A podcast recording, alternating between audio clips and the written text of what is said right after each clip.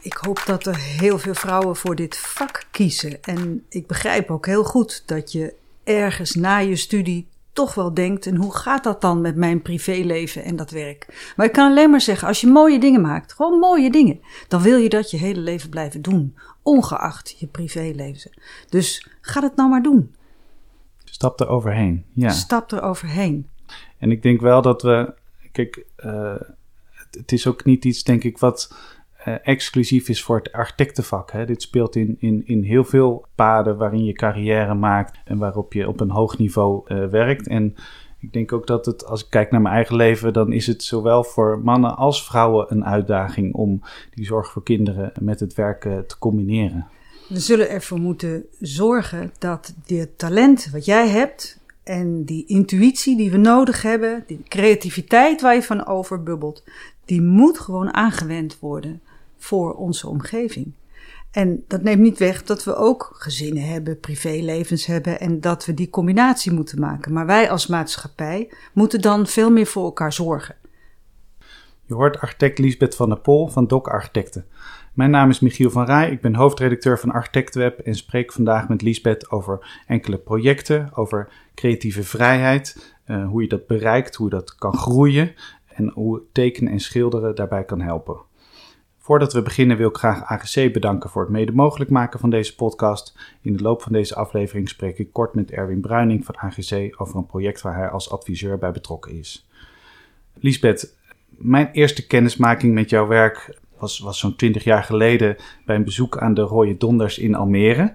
Dat was natuurlijk een, een, een, donderende entree, kun je wel zeggen.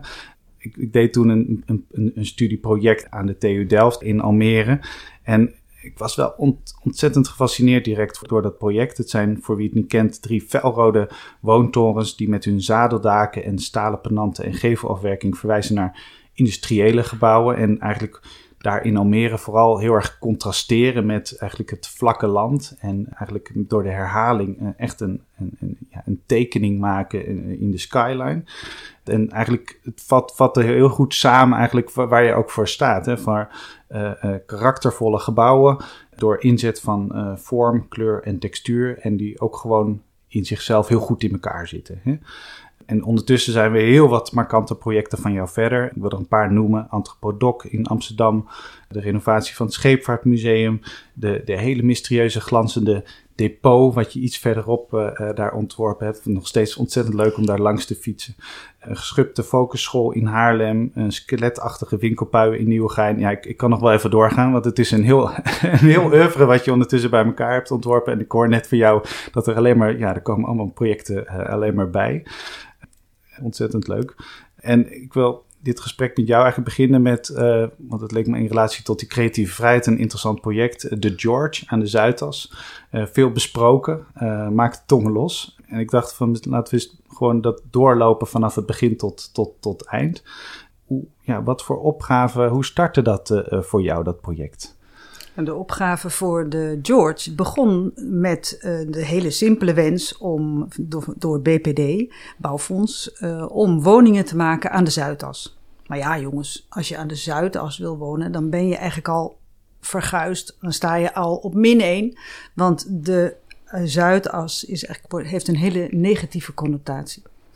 Dus het eerste wat wij wilden is proberen om na te denken, als je dan toch aan die Zuidas gaat wonen, wat moet je daar dan aantreffen? Nou, het algemene idee was dat de meeste mensen die daar zouden gaan wonen well-to-do zijn en ook wat ouder. En mensen die well-to-do zijn en ook wat ouder, die zijn niet weggeschreven. Die zijn eigenlijk vol energie en die zitten vol dynamiek. Die willen allerlei dingen doen. Die leven gezond en willen gezond en zo. En dat willen ze natuurlijk ook van hun gebouwen. Die willen helemaal niet in saaie kantoorkolossen wonen. Die willen in een swingende gebouwen wonen. En die op een of andere manier iets toevoegen aan hun idee van dynamiek en gezondheid. Dus ja, kwam al heel snel een soort Fred Astaire uh, danspaar in ons hoofd op. En een, ik tekende een, uh, ja, een, een opwaaiende zomerjurk. Dacht ik, oh, het zou toch fantastisch fantastisch zijn als je een gebouw kon maken als een soort opwaaiende zomerjuk. Die, die in zijn lichtheid en in zijn vrolijkheid uh, al met je wegzwiert, nog voor je binnen bent. Ja, en dat allemaal uit eigenlijk een, een analyse van de plek en de doelgroep hè, Dat van, klopt, eh, van dat dit is het, project. ja. Ja, tegelijkertijd speelde natuurlijk dat we ook midden in die rare milieucrisis zitten. We zullen iets moeten doen aan vergroening, eh, vasthouden van water. Dus tegelijkertijd was de wens om aan de Boelenlaan, om eigenlijk een soort eh, ja, waterval van terrassen te maken. Een soort sawa's, rijstveldenachtige eh, balkons. En zo het gevoel van gezondheid maximaal eh, ja, uit te nutten aan die kant. En dat is ook gebeurd. Ja, en eh, dat gekoppeld eigenlijk aan wat uniek is in die, in die buurt, is dat het eigenlijk een voortuin gekregen heeft. Een project wat, wat eh, dan ook nog subtiel door, doorcijpelt het gebouw in. Hè? Ja, eigenlijk eh, moeten we daar natuurlijk sowieso aan beginnen. We- kunnen nu niet meer ons permitteren om zonder groen te ontwerpen en gebouwen te maken die ook groen niet alleen maar accommoderen, maar dat ook echt stimuleren. Gebouwen die natuur ondersteunen. Nou, dat is gewoon aan de orde. Niet alleen eh, dokarchitecten, maar nou, heel veel architecten zullen daar nu mee bezig zijn en moeten zijn. En wij hebben daarmee geëxperimenteerd. En dat, dat is natuurlijk fantastisch gelukt. We Ja. hebben balkons gemaakt die eigenlijk ja, veelvormig zijn. En daaromheen banden gemaakt met groen. En de, de groen, het groen zit buiten de balustrades van de balkons. Dus je hoeft het ook niet zelf met je gietertje te onderhouden. Dat hoeft als je well-to-do bent ook niet meer. En, uh, maar dat is ook een garantie dat het ook goed wordt onderhouden. En uh, dat groen wat naar binnen toe doorgaat, dat is bedoeld om jou als aankomend bewoner, hè, jij komt daar bijna binnen, je bent aan het joggen natuurlijk, je komt van de markt.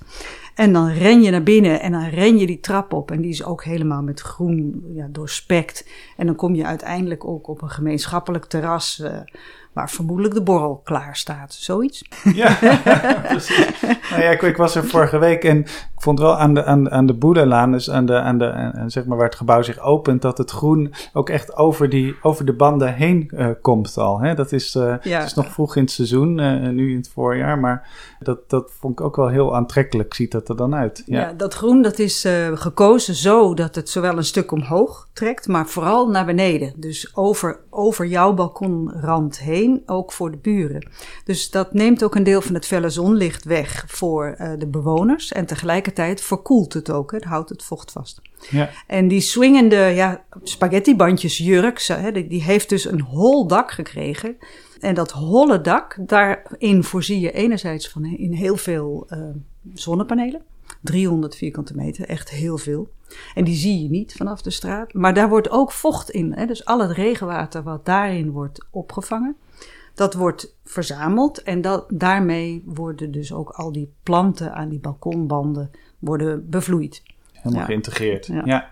En dan eigenlijk het, het, zeg maar het, het, controversiële element in dit ontwerp zit hem eigenlijk aan de stadskant. Hè? En, uh, toch een vrij gesloten, uh, je steekt je duim al op uit enthousiasme, toch vrij gesloten uh, bakstenen gevel.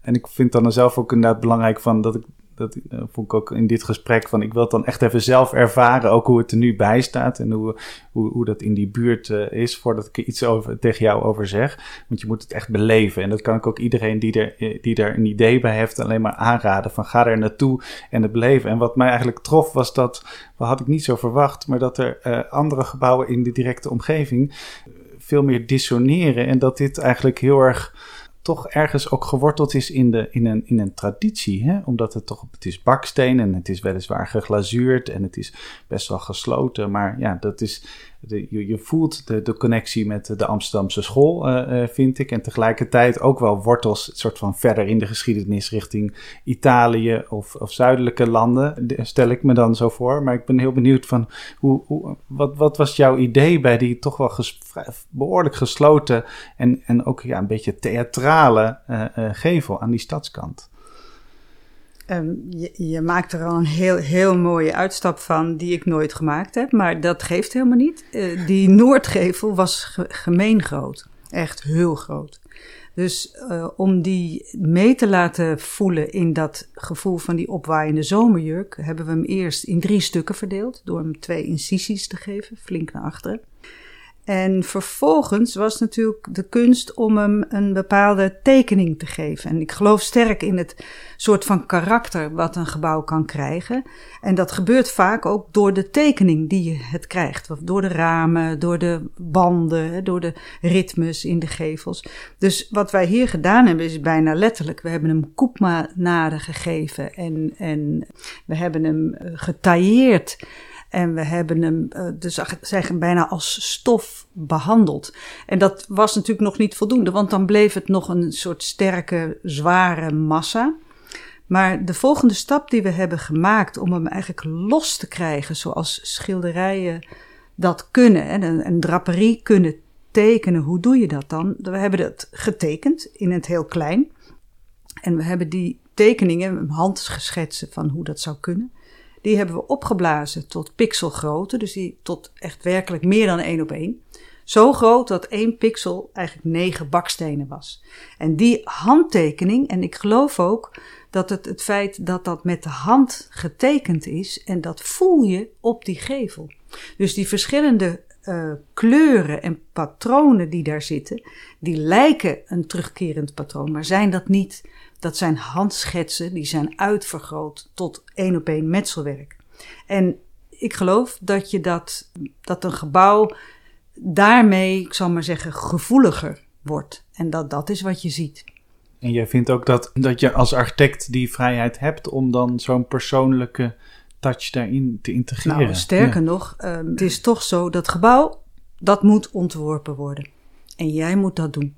En elk karakter wat jij erin ligt, zal het karakter zijn wat het ding heeft. En je moet bedenken dat wij als architect, wij lopen weg. Hè? Als het zaakje gedaan is, dan zijn wij nergens meer te vinden. Met iets anders bezig. Maar het gebouw, dat staat daar.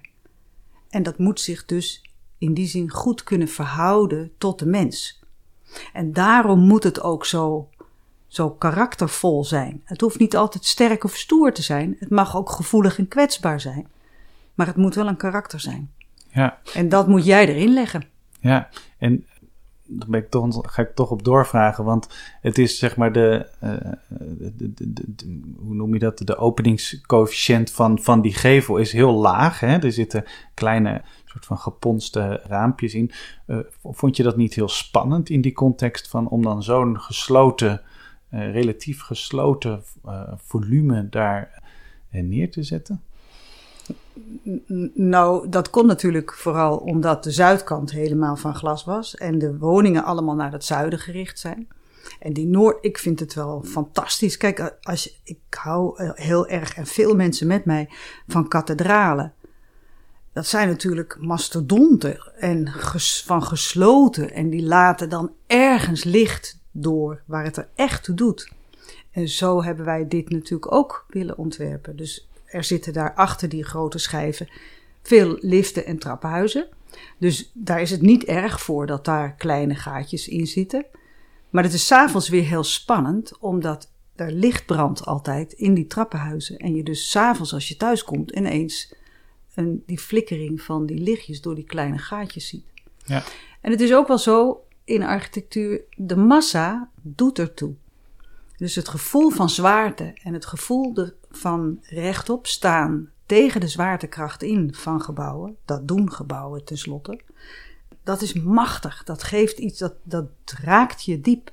Dat doen kathedralen heel goed. En soms probeer je dat te evenaren door een flinke massa te maken. Waarom ik ook verwijs zeg maar, naar een soort van. Waarom ik er dus referenties ook aan, aan, aan Italië of het zuiden van Europa is dat het, die massa die, die, die maakt ook steden. Hè? Dus het is een heel. Uh, je zou zeggen van, maar ontkent het dan de stad? Nee, het bevestigt juist heel erg dat we aan het bouwen zijn aan die stad. Hè? Uh, en dat het geworteld is en dat dit niet zo in, in, in, in wisselbaar gebouw is. Nee, dit staat er en dat wil er zijn. En uh, maakt in zijn vorm, maakt het een, een, stedelijke ruimte. Ja, wat hè? mooi dat je dat zo uitdrukt. Ik, ik, ik ben het daar heel erg mee eens. Als je naar de grachtengordel kijkt in Amsterdam, dan zie je die pandjes allemaal staan. Hè? Die staan te staan allemaal naast elkaar. En die opeenvolging van pandjes, ja, dat is zo verschrikkelijk mooi. Dat maakt de stad, precies. Ja, en ook, ook daar kijk je niet altijd zo naar binnen en wat dan ook. Dat is helemaal niet uh, waar het uiteindelijk om gaat. Dan ben ik nog wel benieuwd hoe uh, jullie opdrachtgever uh, ja, op dit, dit ontwerp reageerde. Snapte zij meteen wat jullie wilden hiermee? BPD was heel enthousiast. Wij hebben dit via een architectenselectie gekregen. En we hebben dit verhaal echt al in een heel vroeg stadium verteld. En zij waren heel enthousiast. We hebben, ik denk dat je uh, niet moet onderschatten hoe mensen emotionele zaken in architectuur aanvoelen.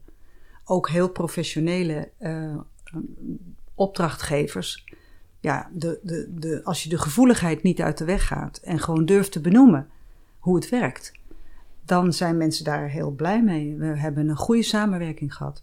En dan ben ik ook benieuwd van hoe de uh, supervisor en de welstand uh, reageerde en uiteindelijk ook de bewoners. Uh, kun je daar wat over zeggen? Ja, de, de supervisor was Ton Schaap. Dat is natuurlijk een fantastische voor dit soort werk. Die, vond het, die was eigenlijk ja, heel laaiend enthousiast. Die, was, die ondersteunde het zonder, zonder meer. We hebben helemaal niets hoeven aanpassen. En um, ik denk dat het ook zo'n buitensporig gebouw is, dat het ook heel lastig is om te zeggen van nou, doe nog maar een beetje van dit of van dat. Mm -hmm. Het is gewoon zichzelf en er valt niks meer aan te doen. En met, die, met dat holle dak en zo, ja, er was toch niemand die zei nou, doe, toch maar een, een, een plat dak. Niemand. Uh, ik, ik vermoed dat het ook wel door het buitenbeentjes uh, gevoel is, dat het te lastig is om erop te reageren. Maar mensen vonden het heel mooi. En nu ook. Nu, nu de bewoners, ik ken daar best een aantal, die vinden het, uh, vinden het echt mooi. Met name die Noordgevel, waar jij het ook al over had, die stadse gevel. Die dus blijkbaar in zijn grootheid uh, toch een bepaalde emotie weet uh, te raken. die vinden ze heel, heel erg mooi. Wat daar trouwens nog meespeelt, is de laag die we nog hebben toegevoegd om de bakstenen geglazuurd uit te voeren zodat ze in het noorden ook de lucht weerkaatsten. En daar zit ook nog een relief in. Met steeds een soort wolkjes die dan uh, naar voren ja. komen. En, en, hoe reageerden collega-architecten uh, uh, op, op dit project? Heb je, heb je daar een indruk van? Ik weet het niet. Ik denk jaloers. Oh, ja. nee, dat weet ik niet. Nee. Dat kan ik niet bevroeden. Uh, je, ik denk dat ook daarvoor geldt dat het zo'n buitenbeentje is. Ik weet van een aantal architecten dat ze het heel bijzonder mooi vinden. En dat, ik ben, dat ze echt enthousiast zijn daarover. En dat zijn grappig genoeg uh, uh, mensen die, van wie je hele andere, zelf hele andere dingen maken. Ja. Ik weet dat ik ben een keertje samen met Wiel Arets, we hebben alle twee iets aan de Zuidas mogen maken. Nou, ja. zijn we met, met z'n tweeën zijn we naar elkaars werk gegaan. En dat was fantastisch, want wij maken heel verschillend werk. Maar alle twee vrij expressief in, ja. ons, in ons gebied. En ja. dat is natuurlijk eigenlijk heel leuk als wij als architecten dat onderling weten te waarderen. Dat is het allermooiste. Ja, en vind je het zelf ook echt een mooi gebouw? Dat heb ik dan, als ik zo ook eerlijk in zijn, ik vind het zelf een heel interessant. En, en, als, ik, en als, je, als je daar rondloopt, dan vind ik het heel gepast op een of andere manier. Maar ik vind het moeilijk om het echt mooi te vinden. Uh, ik denk ik, dat dat in de ja. tijd zal komen. Uh, hoe, hoe ervaar jij dat? Ik vind het Noordgevel heel mooi. Ik heb wel eens de ik, ik, heb de wens om architectuur te maken die uh, beroert, die dus echt de emotie raakt. En uh, ik heb wel het gevoel dat die Noordgevel dat doet. Het, het hele plaatje van opzij en aan de Boelenlaan, ja, dat is veel meer experimenteel en, en, en natuurlijk door de duurzaamheid van deze tijd goed, maar ook weer niet zo heel bijzonder. Maar die Noordgevel vind ik heel mooi, ja. Ja. Dan, dan wil ik even inzoomen op jouw persoonlijke leven. Wist je al van jongs af aan dat je uh, dat je architect wilde worden. Waar, weet je nog wanneer dat groeide? Ja, ik was uh, met mijn vader zeilde ik wel veel en wij zeilden door het Kielerkanaal en de enorme brugconstructies die daar overheen gingen, want die waren heel hoog, 40 meter hoog. Die vond ik echt geweldig. En toen wist ik, zoiets wil ik. Ben ik helemaal niet gaan doen, maar dat was dus civiele uh, techniek. Ik ben uiteindelijk architectuur gaan doen, maar het is wel toen dat ik ineens snapte. En, en hoe oud was je toen? Ik denk 15 of zo. Ah ja, precies. Ja. En je bent gaan studeren in Delft. Ja. Wat, wat voor in de jaren 80? Wat, wat voor tijd was dat? Hoe heb je dat ervaren? Ja, ik vond het een fantastische tijd, want we waren een beetje los van die democratisering. Dat was een beetje, dat hadden wij al achter ons, dus dat hoefde niet meer. Uh, dat schrijven was toch niet mijn sterkste kant. En, um, dus ik mocht gewoon lekker ontwerpen en dat vond ik heerlijk. En ja, ik was heel erg bevangen door de uh, aquarellisten. Wij hadden les, tekenles van een aantal hele goede docenten. En dat vond ik fantastisch. Dan leerde ik iets wat ik niet kon en wat ik heel fijn vond om te doen. Dat heb ik ook nooit meer losgelaten. Uh, maar ik vond ook de vrijheid van denken heel prettig. Dat ging alle kanten op. We hadden, heel, we hadden docenten uit uiteenlopende windstreken in de architectuur. Er was geen coherente mening over architectuur, hoewel het modernisme nog wel fors aan de, aan de, aan de, aan de bak was stond men toch al wel open voor van alles en nog wat. En daarna zijn de jaren negentig natuurlijk. Dat was natuurlijk gelukzalige tijd om als architect te kunnen starten. Omdat er toen, met name bij de corporaties, geweldige opdrachtgevers zaten. Die ook echt experimenten aangingen. Ik vraag er ook naar, omdat het wel een periode is uh, die een heel een heleboel interessante architecten ook heeft voor, uh, voortgebracht. Maar waar inderdaad echt er, er tot een zekere openheid was van uh, voor persoonlijke benaderingen of academische benaderingen, wat dan ook. Maar uh, tot en met Stephen Hall, die overigens ook uh, schildert. Ja. Maar die is ook in, in zo'n soort tijd van, waarin het toch zich echt opende en de vrijheid die eerder bevochten is, maar dan op een veel creatievere manier ingevuld werd. En dan zijn er sommige, misschien moeten we dat dan postmodernistisch noemen, maar dat is eigenlijk allemaal, dat zijn allemaal uh, vervelende labels in zekere zin. Het is eigenlijk een periode van, van bevrijding, maar letterlijke bevrijding van dat je echt de, de creatieve, uh, uh, het kan heel veel zijn en laten we het met elkaar bedenken. Hè? Wat... Je, je, mag hopen dat dat in Delft nog steeds zo is of weer wordt. Je kon studeren door per project met een verschillende trein mee te gaan. En dan de volgende keer stapte je over op het station. Hè, deed je het klassicisme eens eventjes. En dan ging je door naar het modernisme. En dan uh, was er deconstructivisme. En zo kon je eigenlijk echt spelend studeren. Ja. Geweldig. Ja, ja, want daar leer je het meeste van. Hè? Ja, nee, interessant. En uh, toen ben je voor, je voor jezelf begonnen al heel snel. Ja, hoe, hoe, hoe, hoe, hoe kwam je aan opdrachten? Hoe, hoe werkte dat? Ja, de eerste opdracht kwam via de Archipri ja, ik, vind, ik ondersteun nog steeds de archiprie. Ik denk dat iemand moet jou op het toneel hijsen als net afgestudeerde architect. En archiprie doet dat. Dus jongens, hou dat in stand. Want hoe belangrijk is dat niet? Dat jonge mensen een toneel krijgen. En ik, ik won niet eens, ik kreeg een eervolle vermelding. Maar met die eervolle vermelding kwam een publicatie. Nou joh, je had dus een publicatie op je naam als pas afgestudeerde architect. En uh, daardoor ben ik in het vizier gekomen van een corporatie. En toen heb ik een architecte, ja, toen werd ik opgeroepen voor die architectenselectie. Toen heb ik echt mijn beste jurk uit de kast getrokken en mijn hoogste hakken. en ik had natuurlijk geen werk om te laten zien. Nee. Maar ik moest, me, moest dat verdedigen. En ik heb die, uh, die opdracht gekregen. Dus ik, ik was heel jong en ik had een opdracht. Ik zou, zou willen dat het jonge mensen overkwam. Het was echt een meesterlijke start. Ja, ja, prachtig. En, dan vanuit, en vanuit daaruit kon je dan inderdaad, uh, had je natuurlijk een werk wat je kon laten zien en kon je eigenlijk bij, bij andere woningcorporaties uh, uh, verder. Ja, ik, denk, ik zou het iedereen willen zeggen die, die, die nadenkt over het starten van een architectenbureau of als architect van de grond te komen. Kijk, je, je bent onzeker, want je hebt nog niks gepresteerd. Maar du moment dat je één gebouw, dat je dat hebt geleerd, hoe dat werkt, zeg maar, hoe, hoe je één zo'n gebouw van A tot Z tot het eind toe weet te realiseren, du moment dat dat gereed is, heb je ongelooflijk veel zelfvertrouwen. Dan heb je dat gewonnen. Ja, en dan is het een kwestie van uh, dat niveau wat je behaald hebt uh, alleen maar opschroeven. Hè? Je bent toen al heel snel ook uh, de samenwerking aangegaan met jouw man, Herman Zijnstra.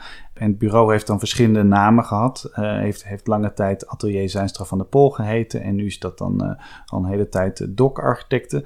Hoe ver, verliep die samenwerking met Herman? Jullie hebben wel echt, zoals ik het begrijp, eigen project gehad. Zo wordt het ook op jullie website benoemd. Van dit een project van Herman, dit van Lisbeth, uh, van de andere partners. En er zit wel een overlap in jullie benadering, zou je kunnen zeggen. Maar hij is veel tektonischer, Herman, dan, dan jij, waar je meer op op het gevoel, op het karakter zit. Hoe, hoe, hoe ging die samenwerking tussen jullie? Nou, wij, wij verschillen enorm, nog steeds.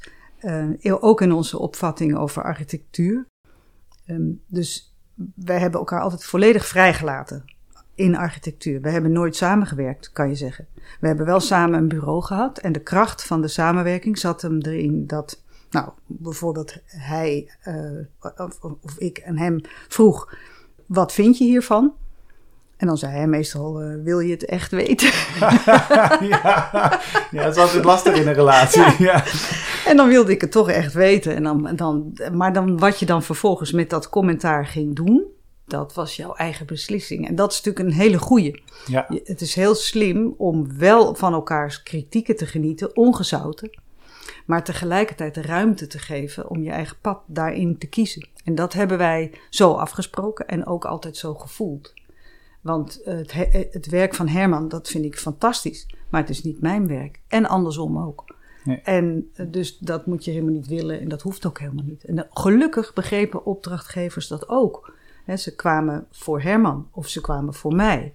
Maar ze kwamen niet voor het algemeen. Nee. geen, geen gemiddelde. Alsjeblieft. Nee, nee. precies. Uitgesproken op de ene manier of uitgesproken precies. op de net iets andere manier. En je werkt nu ruim 30 jaar als architect. Um, heb je het gevoel dat je in die tijd ook veel vrijer bent gaan ontwerpen? Ja, ja. Het is uh, in het begin, nogmaals, je, je, je start, of ik startte onzeker. Je, bent, je komt nog maar net op de markt en je denkt, wat moet ik nu eigenlijk uh, doen? Ik weet nog zo weinig. Uh, hoe, hoe, hoe pak ik dit aan?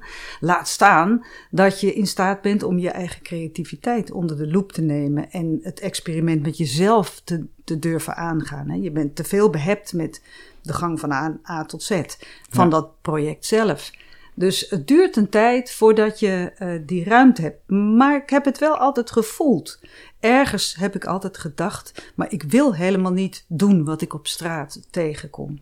Ik wil die gebouwen niet zo. Als ik, als ik onder de indruk was, dan zat ik ergens in Oezbekistan of in Italië of ik zat in, in, in, uh, in, in Oman of, of, of in, in IJsland. En, en dan, dan was ik in, of ik zat op een industriegebied.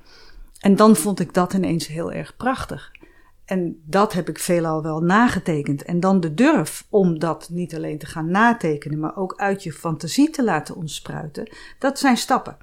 Ja. En hoe eerder je ermee begint, hoe beter het is. Maar bij mij, bij mij is dat, dat, ja, dat heeft zich ontwikkeld, die vrijheid. Ja, nee, want het is zo simpel als dat je inderdaad uh, een aarzeling met, met een pennenstreek en het staat er alweer niet, het staat weer niet op papier. Hè? Of je hebt het ja. alweer niet als discussiepunt ja.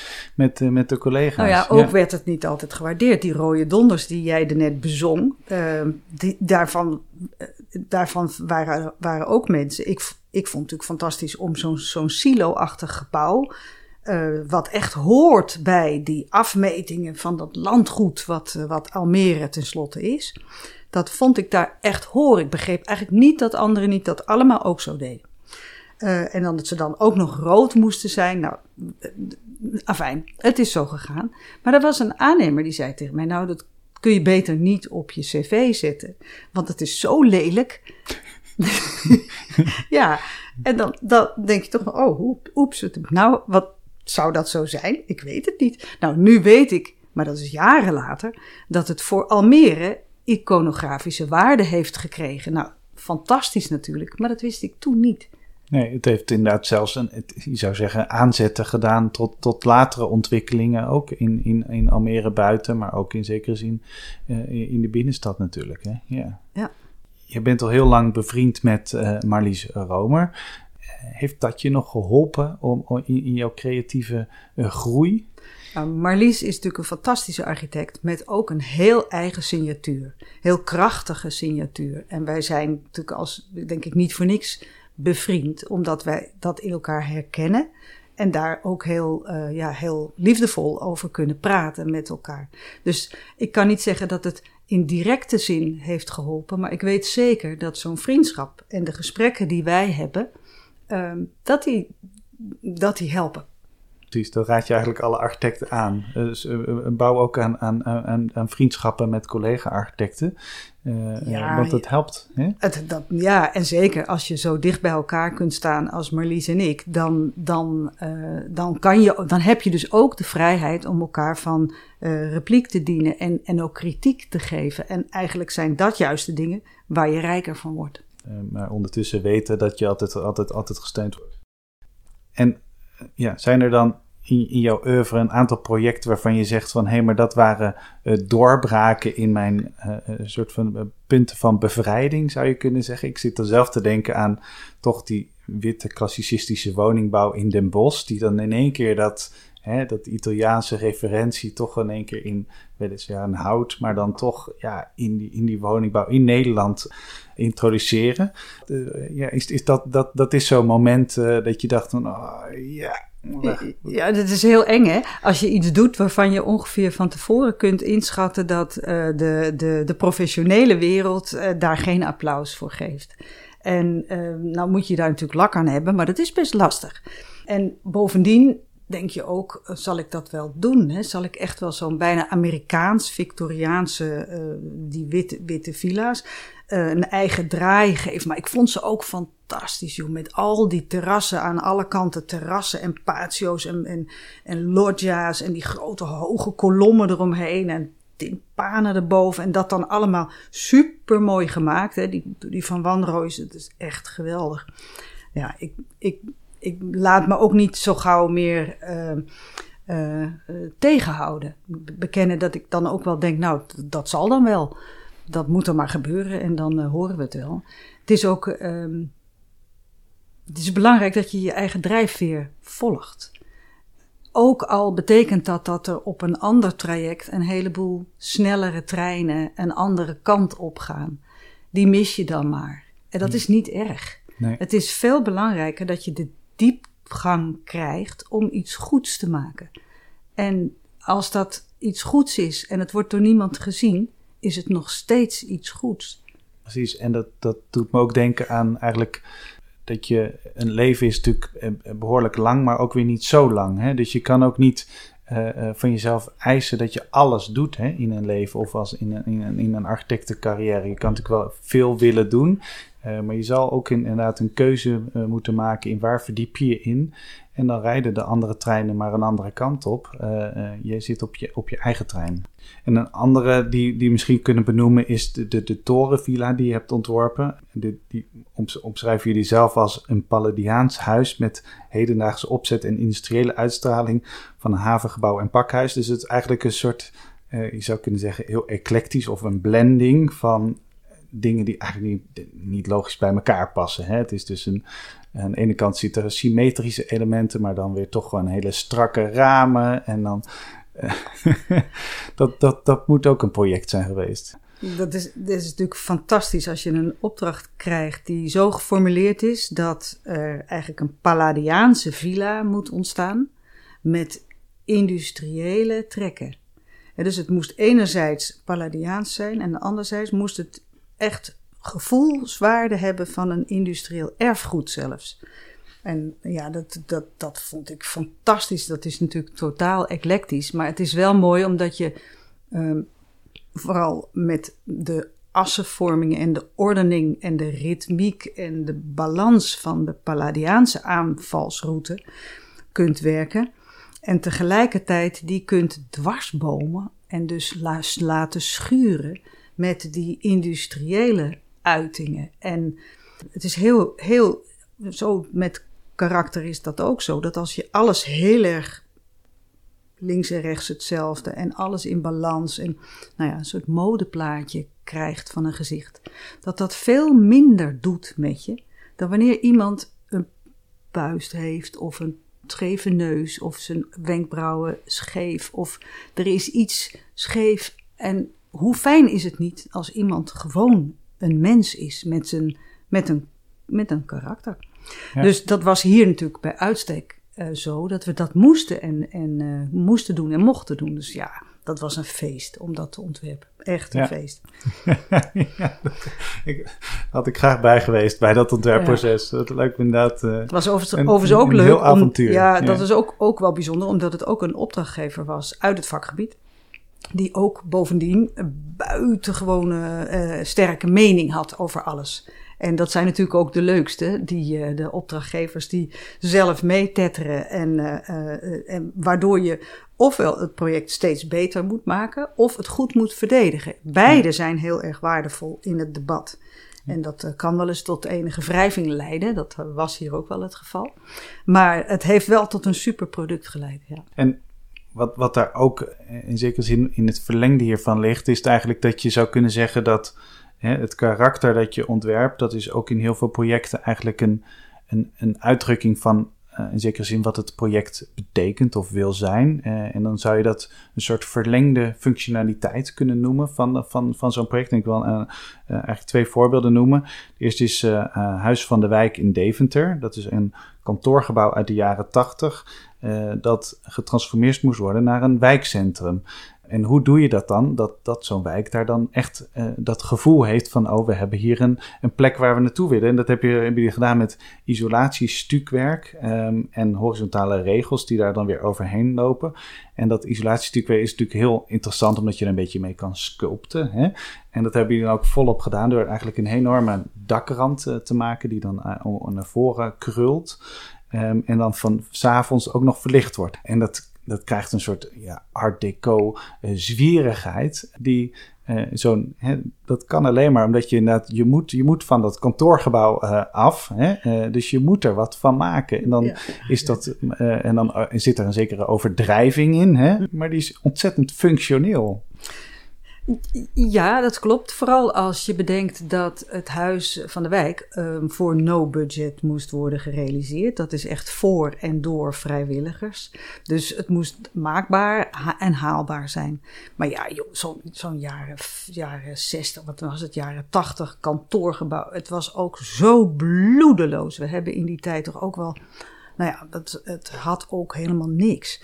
Dus uh, je moest wat. En dan wil je er niet zonder meer uh, uh, krullen aan toevoegen. Want dan, daar dan, dan red je het niet. Nee. Dus we hebben het ritme van de ramen gebruikt. We hebben zelfs geen raam vervangen, geen raam bijgemaakt. We hebben eigenlijk niets veranderd. Alleen dat stukwerk toegevoegd. Waardoor die in één klap wit werd. Wat natuurlijk al heel stralend is. En buiten, buiten, buitenaards. En vervolgens banden overheen van hout gemaakt. En daardoor is hij niet meer verticaal geleed, maar horizontaal geleed. En toen nog eens een keertje dat, uh, dit, dit, enorme dakoverstek. Wat we eigenlijk verklaard hebben omdat we heel veel zonnepanelen moesten, uh, wilden toevoegen aan het dak. Maar die wil je niet zien. Dus we hebben dat dakoverstek, wat inderdaad een soort superkelk is die over die dak bulkt. Um, die hebben we natuurlijk ja, onder die noemer wel uh, nuttig en uh, kunnen, kunnen maken. Ja. Maar het klopt wel wat je zegt. Het, voor een deel is het een verlengstuk van het programma. Maar voor een deel komt het ook gewoon uit je fantasie. Ja. Je moet het er ook gewoon in zien.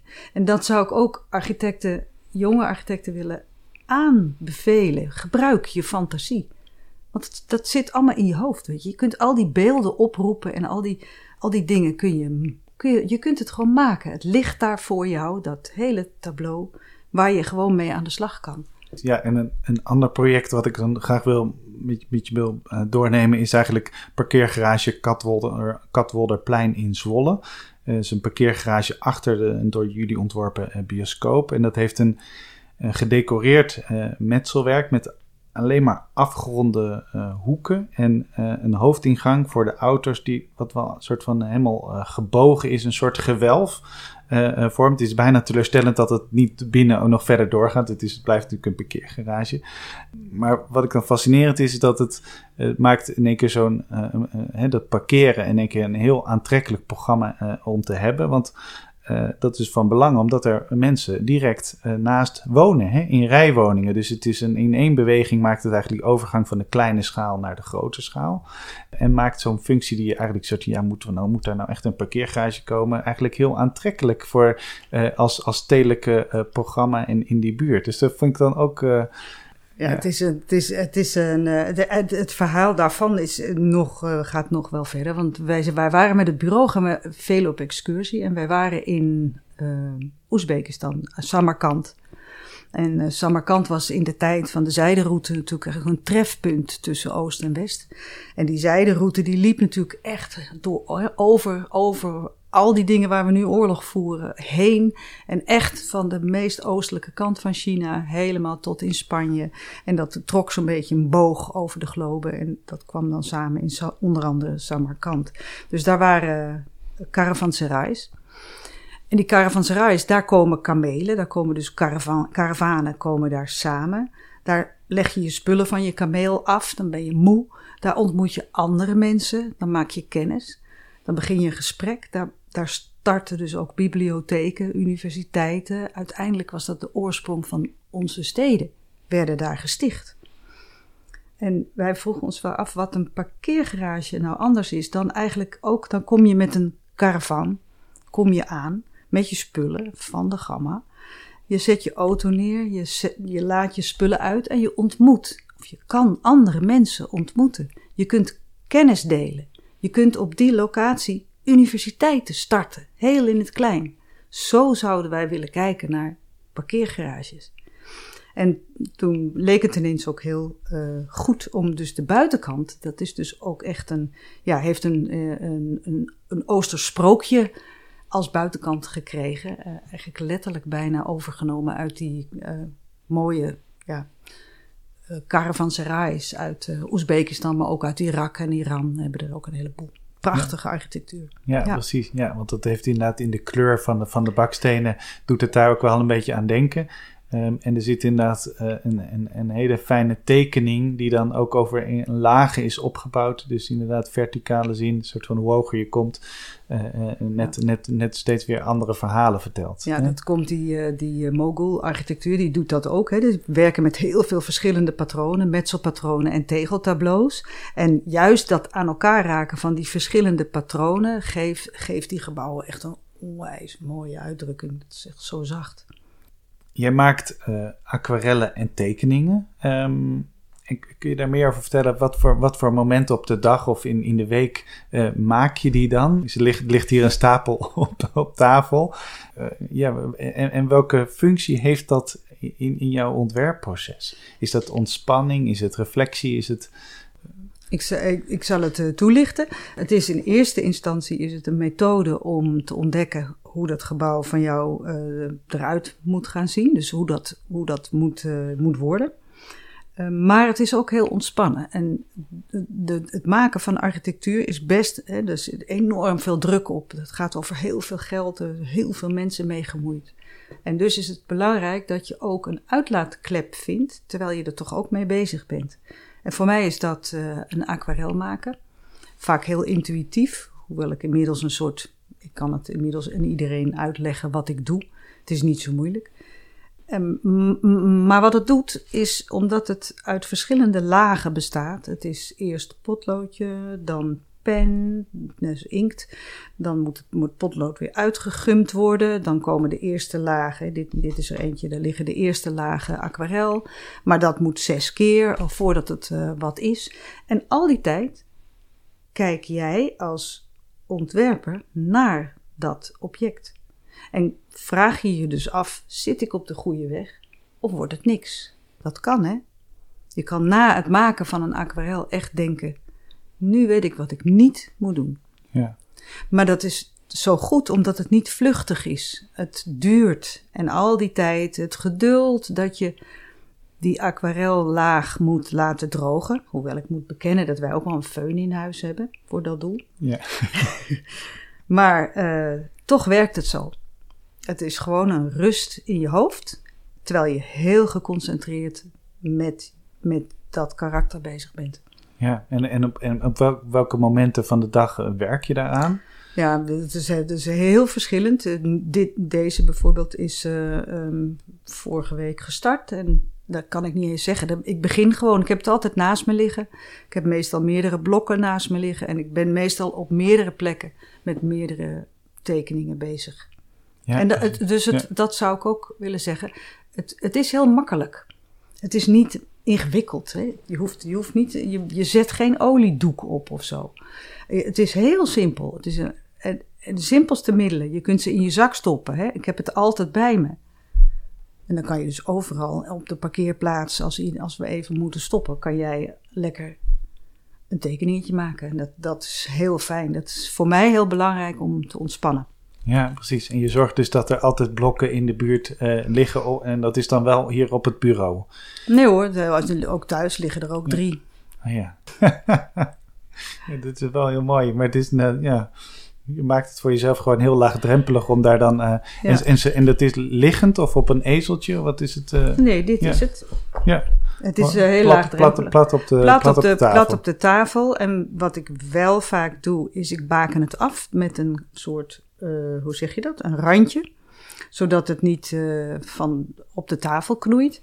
En ik teken ook vaak een plattegrond erin. En er zit meestal ook nog wel ergens een aanzicht van een andere hoek in. Dus ik probeer wel meer informatie erin te leggen dan eh, het object alleen. Het gaat niet alleen om het object. Het gaat ook over de organisatie en het gaat ook over de werking op afstand. En, hè, dus je kunt er een super complex ding van maken waar je heel studieus mee om kan gaan. Ja, precies. En soms doe ik het zo ingewikkeld dat ik het zelf ook niet helemaal meer snap. En eh, die, die aquarellen worden eigenlijk het leukst. Want die gaan helemaal door elkaar en die zijn totaal onbegrijpelijk. Ja, precies. Ja, als dat inderdaad, dit, eh, dit is dan een afbeelding inderdaad van een soort kerkachtig gebouw met inderdaad een, een ja, dus plattegrond kan ik dan niet zo helemaal ontcijferen. En inderdaad dan aan profiel eh, in, in de, op, op het veld, hoe dat dan eh, zich ten opzichte van de lucht eh, verhoudt. En ik begreep dat de aquarellen op een gegeven moment te zien zullen zijn in een tentoonstelling in Kunstlinie in Almere. Ja, dat, dat gaat zeker gebeuren. En daarvoor moeten we wel een selectie maken. En dat is al moeilijk genoeg. Ja, precies. Ja. ja. Ehm, nou, ik ben heel benieuwd. Ehm, we gaan er kort tussenuit voor een gesprek met Erwin Bruining van AGC over een project waar hij als adviseur bij betrokken is.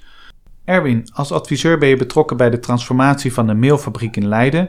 Het is een project dat al heel lang loopt en waar eerder architecten als Peter Zoomtor en David Chipperfield aan getekend hebben.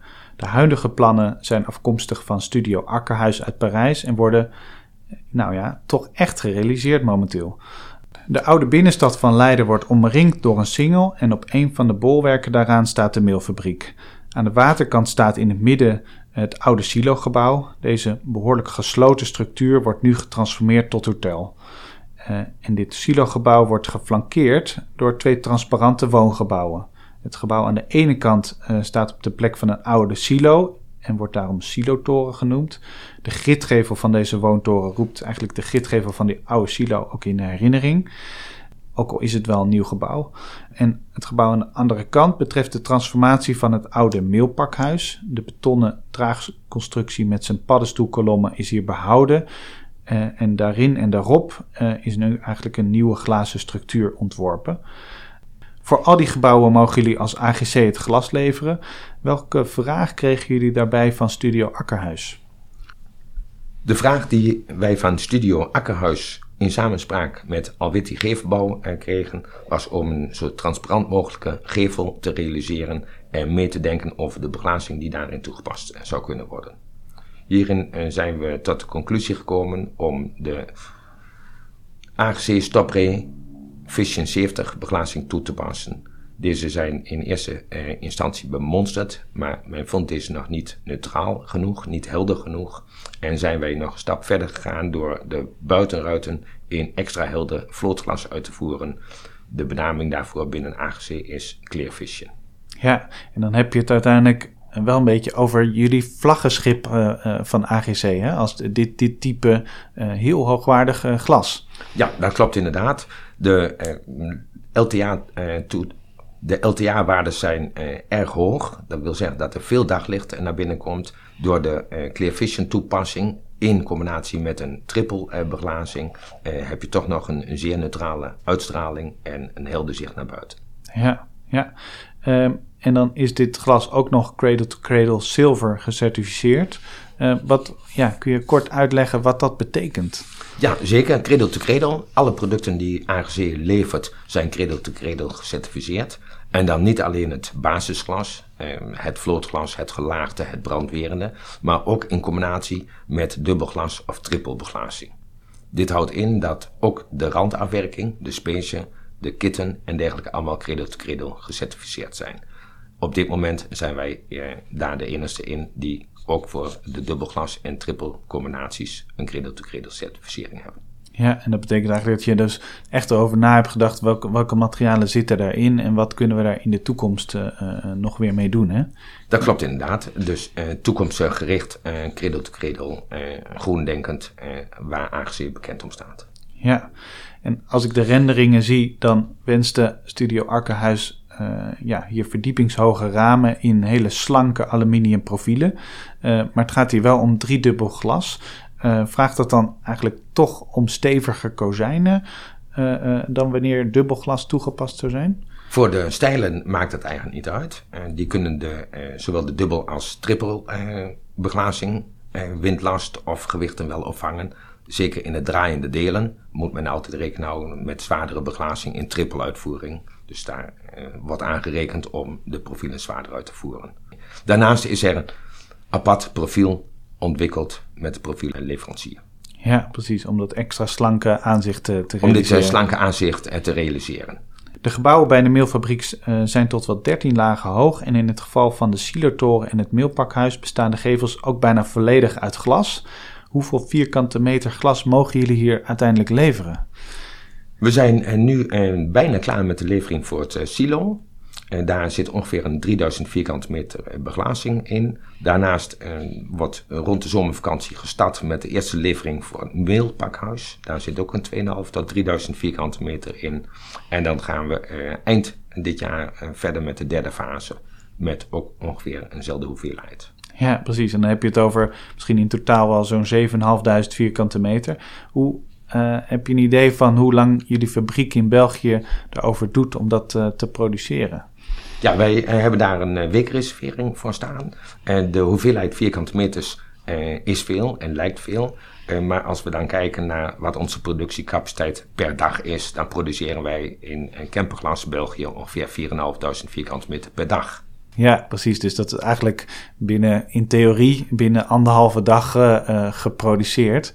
Omdat natuurlijk ook, kan me voorstellen dat dat 24 uur per dag doorgaat, hè, die productie. Ja, dat klopt. Wij uh, produceren vijf dagen in de week, 24 uur per dag. Alleen uiteraard zijn wij ook nog mee bij andere projecten betrokken. waar een groot aantal vierkante meters in zitten en de vierkante meters en verdeeld moeten worden per project. Ja, snap ik. Ja. Dankjewel Erwin. Meer informatie over alle soorten glas die AGC levert is te vinden op agc-yourglass.com. Op die website vind je ook de Glass Configurator, waarmee je zelf het glas voor een project kunt samenstellen en via renderingen bij verschillende weertypes kunt bekijken. We zijn weer terug bij ons gesprek met Lisbeth van der Pol. Een indrukwekkend project van jou en jouw team vind ik de Amazones in Den Bosch. Voor wie het project niet kent, het gaat om drie woontorens van ieder 13 lagen net buiten de binnenstad van Den Bosch. Uh, in een park vlakbij het meer De IJzeren Vrouw. En de bakstenen gevels van deze woontorens zijn op de hoeken afgerond en krullen om de woontorens heen en richting het meer zijn eigenlijk die, worden ze heel spits, hè? als een soort flatter uh, in, in New York. Hè? Daar, daar, zit zeker wel een soort, soort referentie aan, denk ik. En voor mij bewijst het project echt dat hoogbouw ook echt elegant en mooi kan zijn. Dit is echt een project wat ik dus heel mooi vind. En echt passend op zijn plek. Het zijn echt den bossen, stenige uh, gebouwen. En dat het eigenlijk hoogbouw ook ja, eigentijdse monumenten uh, kunnen zijn. Wat je eigenlijk zou wensen bij veel meer hoogbouw, zou ik zeggen. En wat dan ook nog interessant vinden is dat eigenlijk het combineert stedelijke verdichting eigenlijk met uh, de creatie van groene ruimtes. Hè? Van een park uh, dat vloeit om die, om die torens heen. En het is eigenlijk, het park glooit lichtjes zodat er onder geparkeerd kan worden. En wat ik aardig vind is dat inderdaad de paden dan er ruim om, omheen lopen. Zodat eigenlijk de mensen op de begane grond kunnen echt aan het grasveld uh, wonen. Wat je eigenlijk eh, heel vaak zie je dat het net opgeteeld is, waardoor. Maar dit is eigenlijk een heel intieme relatie tot, uh, tot het park. hoe kijk je zelf terug op dat project? Het heeft een hele lange, omdat het zo ja, toch op een gevoelige plek ligt, heeft het een lange geschiedenis gehad. Maar hoe, hoe kijk je daar nu op terug? Nou, ook hier, ja, dat klinkt een beetje melig, maar best wel dankbaar. Het heeft een hele lange geschiedenis gehad, maar het resultaat wordt door heel veel mensen gewaardeerd. En ik heb ook, uh, we hebben er de Bosse prijs voor gekregen voor het beste gebouw van Den Bosch. Um, nou, dat is een publieksprijs en dat is heel bijzonder met hoogbouw in de stad.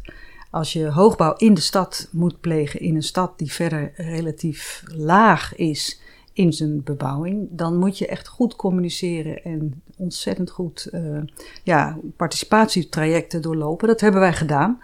Dat was best ingewikkeld en moeilijk. En dat dan, als je, als je dan nu door diezelfde mensen die in die omgeving wonen, uh, een prijs wordt gegund, dat is een publieksprijs, dus het is ook hun stem geweest die, die dus zegt: uh, wij vinden het prachtig. Nou, dan, dat vind ik echt heel bijzonder. En ja, daar, daardoor ben ik natuurlijk uh, heel, heel trots op, op, het, op het complex. Maar wat jij zegt is, is wel precies waar. De grootste zoektocht daar was om toch het glooiend landschap naar de IJzeren Vrouw toe voor iedereen invoelbaar, beleefbaar en, en toegankelijk te maken. En dat was het lastigste. Dus het is een compositie van ja, drie scherpe driehoeken.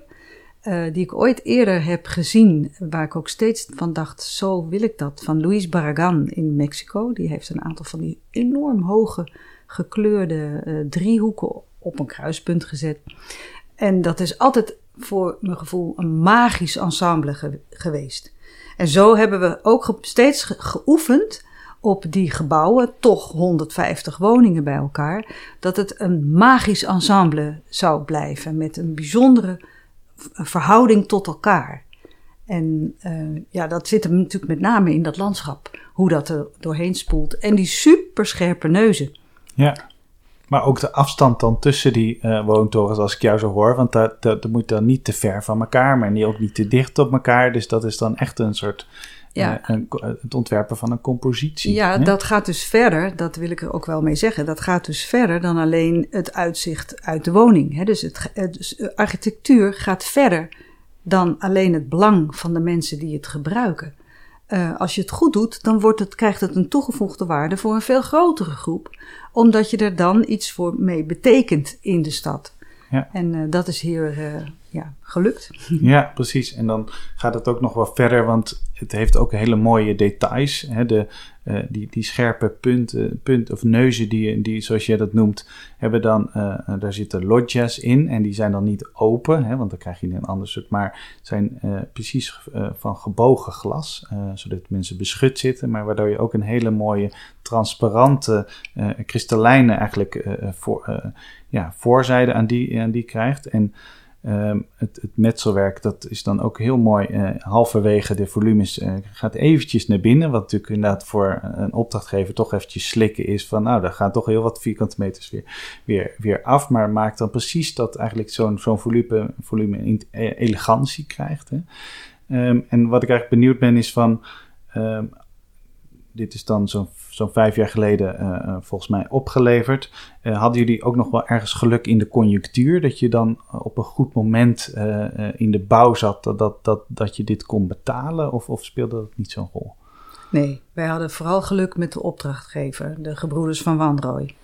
Um, zij hebben door de crisis heen, want dit heeft heel lang gelopen, dit project toch gedragen en uh, dus uiteindelijk ook, uh, ook gedaan. En je moet je ook voorstellen dat het niet zo heel ingewikkeld is, uh, want je noemt de, precies de punten die in het oog springen. Maar er zijn ook heel veel punten die gewoon heel simpel gemetseld boven elkaar. Goeie, eh, pak een goede baksteen, maak zeg maar, de zwierige punten heel expressief.